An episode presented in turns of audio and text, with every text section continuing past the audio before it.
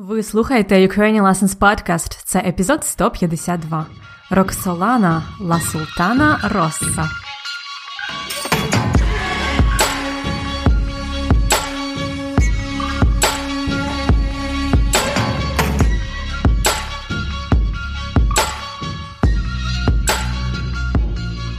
Привіт-привіт! Це Анна Огойко, і ви слухаєте подкаст Уроки української це щотижневі епізоди, які зараз призначені для середнього і високого рівня. Тому що я повністю говорю українською, але намагаюсь робити це повільно. Сподіваюсь, у вас все добре, і ви здорові. Я записую цей епізод у дуже дивні часи, коли світ повністю змінився через коронавірус. Хто зна, можливо, якщо ви слухаєте цей епізод в майбутньому, то ви вже й не пам'ятаєте, що це таке, що таке самоізоляція, пандемія. До речі, про ситуацію з коронавірусом в Україні я розповідала в 150-му епізоді. Там, е, звісно, вже не актуальні цифри, але ситуація зараз подібна. На мою думку, в ці часи важливо знайти для себе щось, на що можна переключити увагу, тобто зосередитись, сфокусуватись на чомусь іншому. Наприклад, на історіях про цікавих українців. Так, зараз на подкасті я вирішила вам розповідати про деяких відомих українців. Минулого разу це був Ярослав Мудрий, а сьогодні поговоримо про Роксолану або Настю Лісовську. Чули про неї? Якщо ні, то дізнаєтесь сьогодні.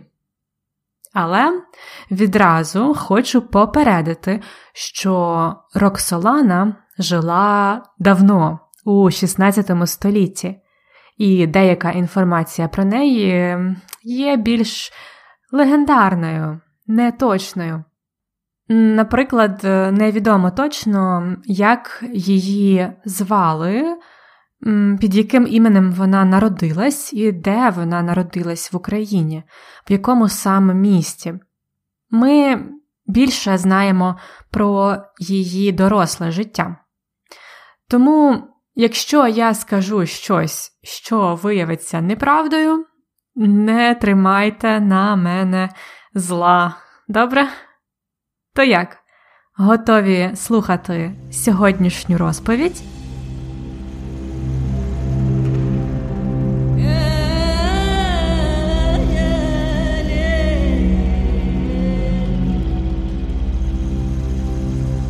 Роксолана Ла Султана Росса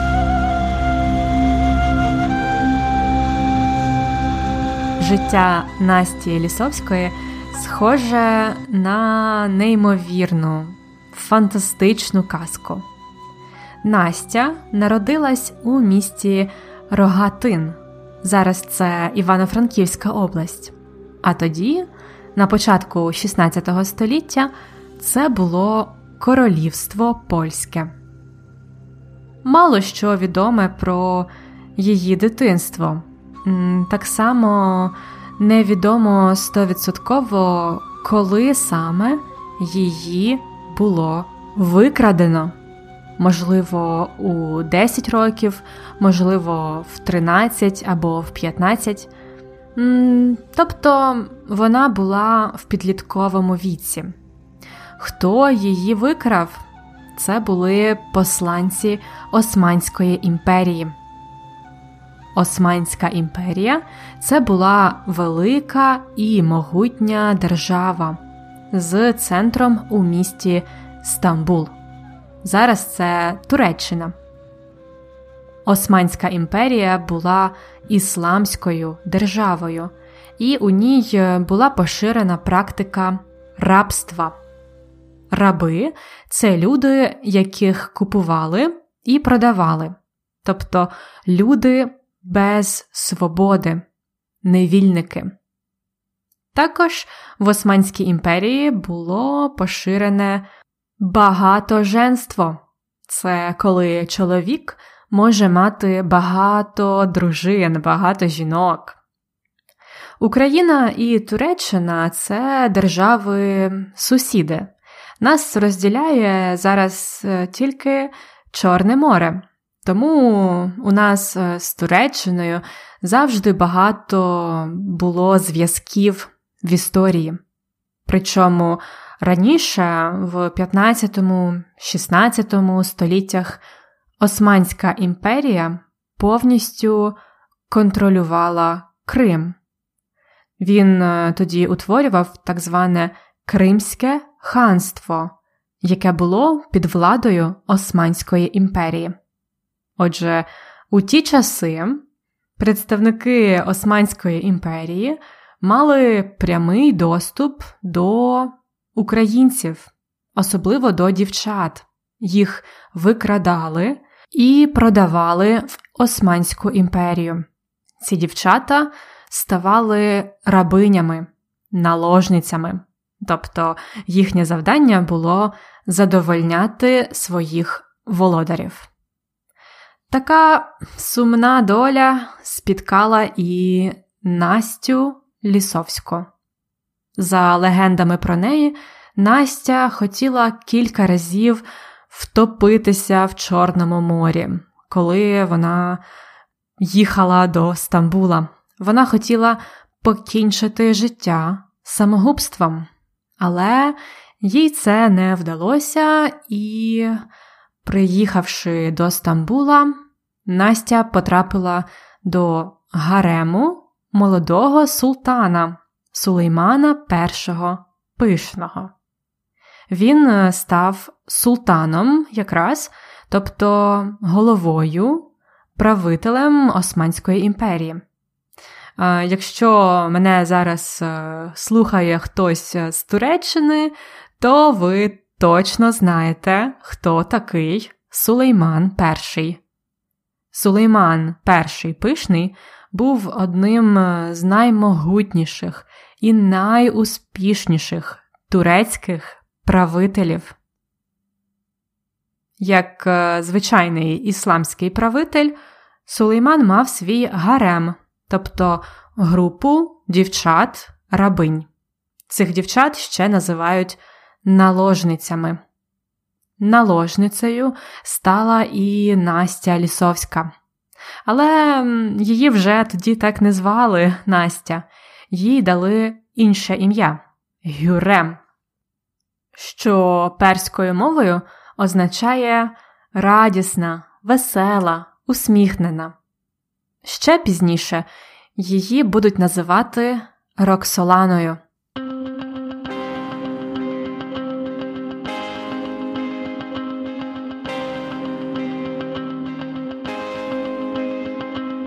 Роксолана стала однією з улюблених наложниць султана. Він справді закохався в неї. Кажуть, е, що він написав для неї вірші і писав їй листи з походів. Ось, наприклад, уривок одного з листів Сулеймана до Роксолани. Він пише: Моя дорога богиня моя дивовижна краса, пані мого серця, мій найяскравіший місяцю, моїх бажань глибинних супутниця, моя єдина, ти мені миліша всіх красунь світу. М-м, Як романтично. Але за законом султан міг мати чотири дружини. У нього вже було три. І тоді Вперше в історії Туреччини султан взяв за дружину свою наложницю Роксолану. Для цього їй, е, звісно, довелося прийняти іслам. І це при тому, що Настя була раніше дочкою православного священника в Україні. Отже, Роксолана стає дружиною одного з наймогутніших лідерів у тогочасному світі. І не просто дружиною. Роксолана фактично була імператрицею величезної Османської імперії. Вона вивчила турецьку мову, арабську і перську мову. Вона була дуже розумною і постійно допомагала своєму чоловіку.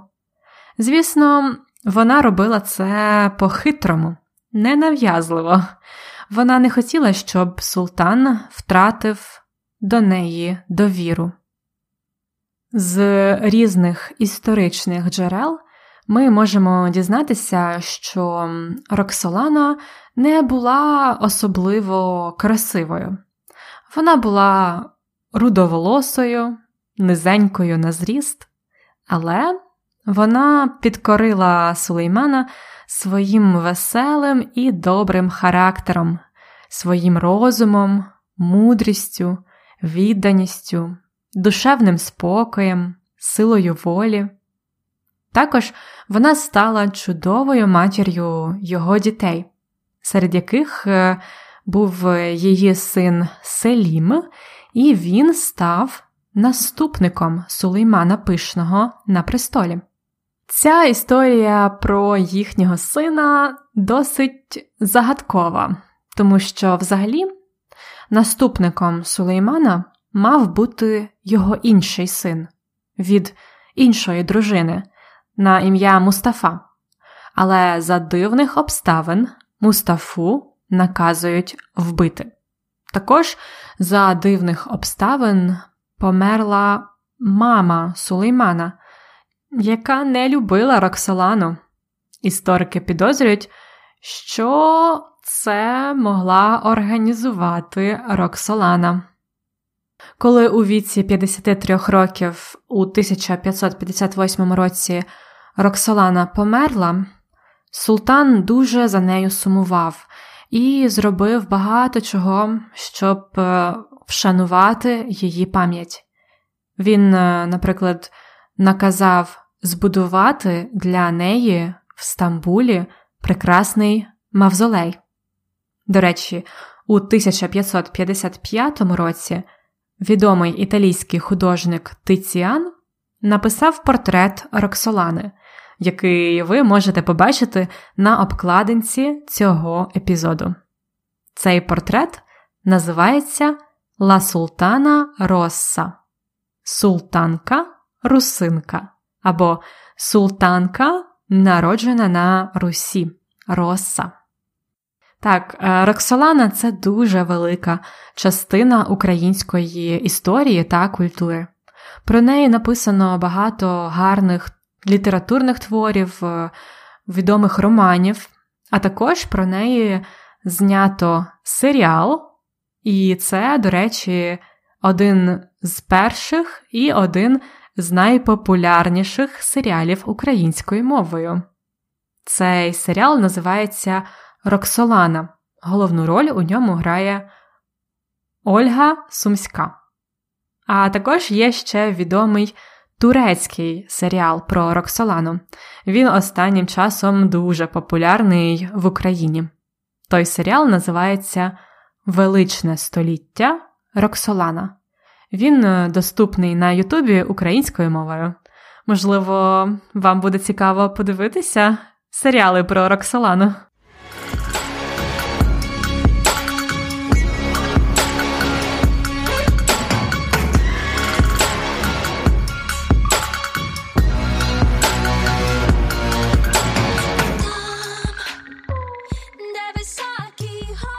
А зараз традиційно розглянемо деякі ідіоми та фрази, які я згадувала сьогодні. На початку епізоду я сказала, що в ці часи під час коронавірусу та карантину важливо знайти для себе щось, на що можна переключити увагу.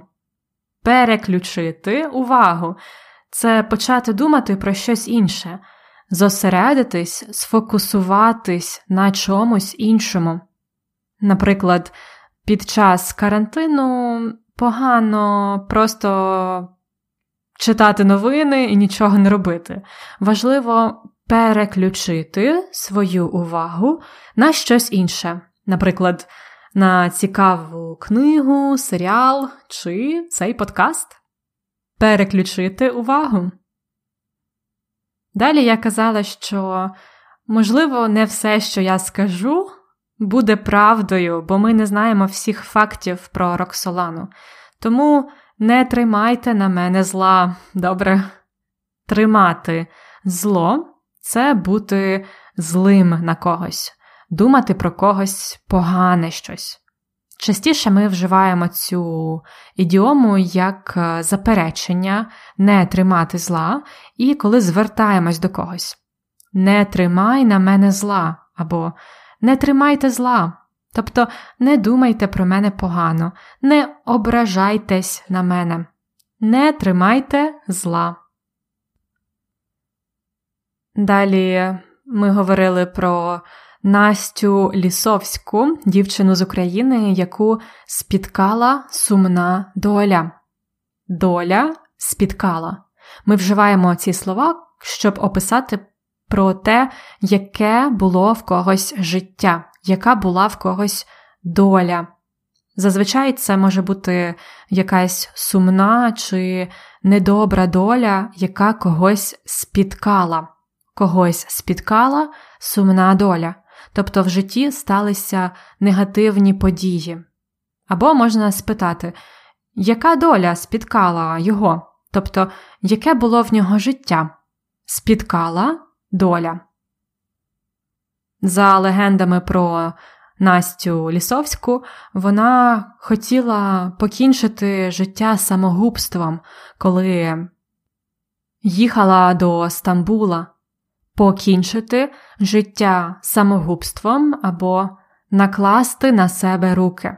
Це вбити себе, вчинити самогубство. Настя хотіла покінчити життя самогубством, або вона хотіла накласти на себе руки, тому що її взяли в рабині, така сумна доля її спіткала. Але коли вона приїхала до Стамбула, через деякий час вона одружилася з султаном. Для цього їй довелось прийняти іслам прийняти іслам або християнство чи буддизм, будь-яку релігію, ми вживаємо дієслово тут прийняти, коли говоримо про те, що хтось починає дотримуватись якоїсь релігії. Настя Лісовська прийняла іслам, а інша жінка в історії України, княгиня Ольга, однією з перших прийняла християнство. Це було в часи Київської Русі.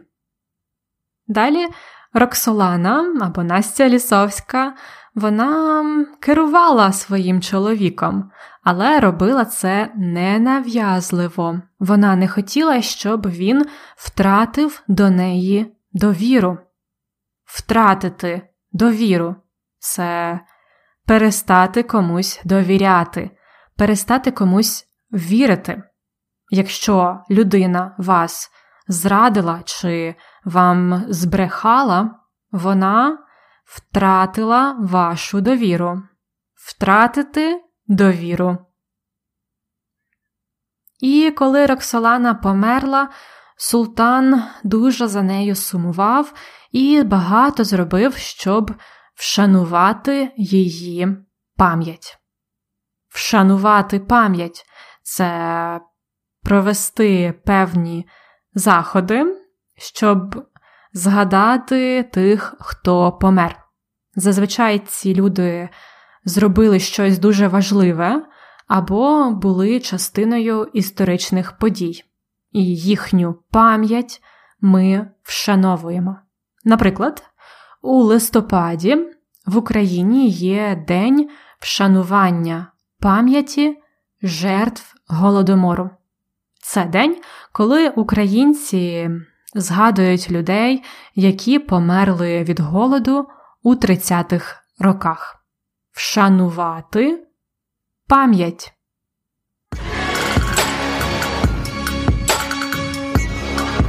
Цікавинка з граматики.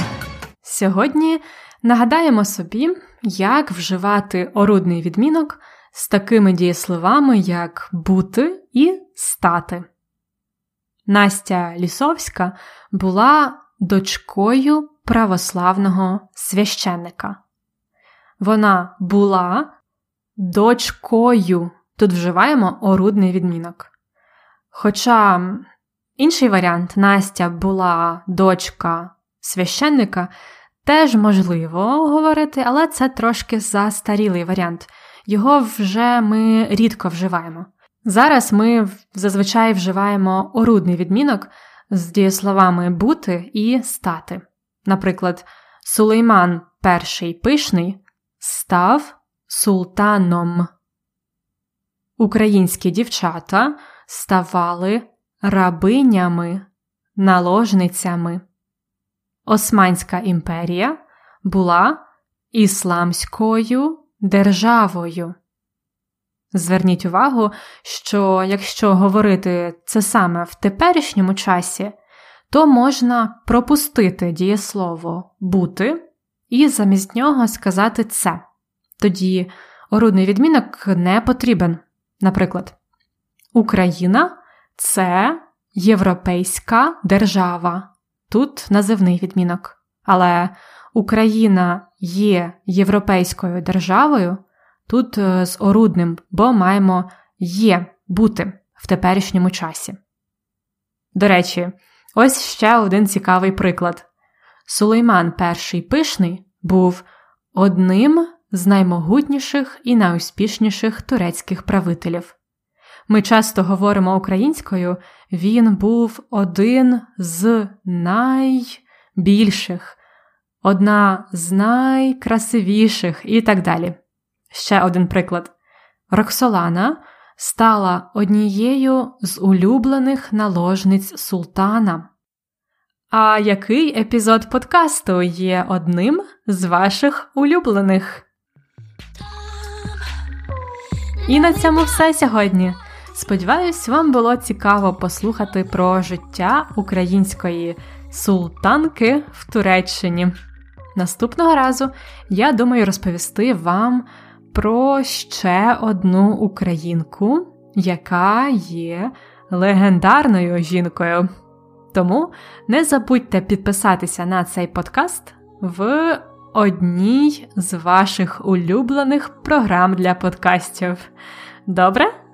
І якщо ви ще цього не зробили, запрошую вас оформити нашу преміум підписку, яка містить всі тексти, тобто транскрипти цих епізодів, переклад складних слів, таблицю з граматикою, вправи для практики та відповіді до вправ. Більше про преміум, а також портрет Роксолани ви можете знайти на сторінці епізоду ukrainianlessons.com риска епізод 152 ukrainianlessons.com slash episode 152 Всього вам найкращого! На все добре! Па-па!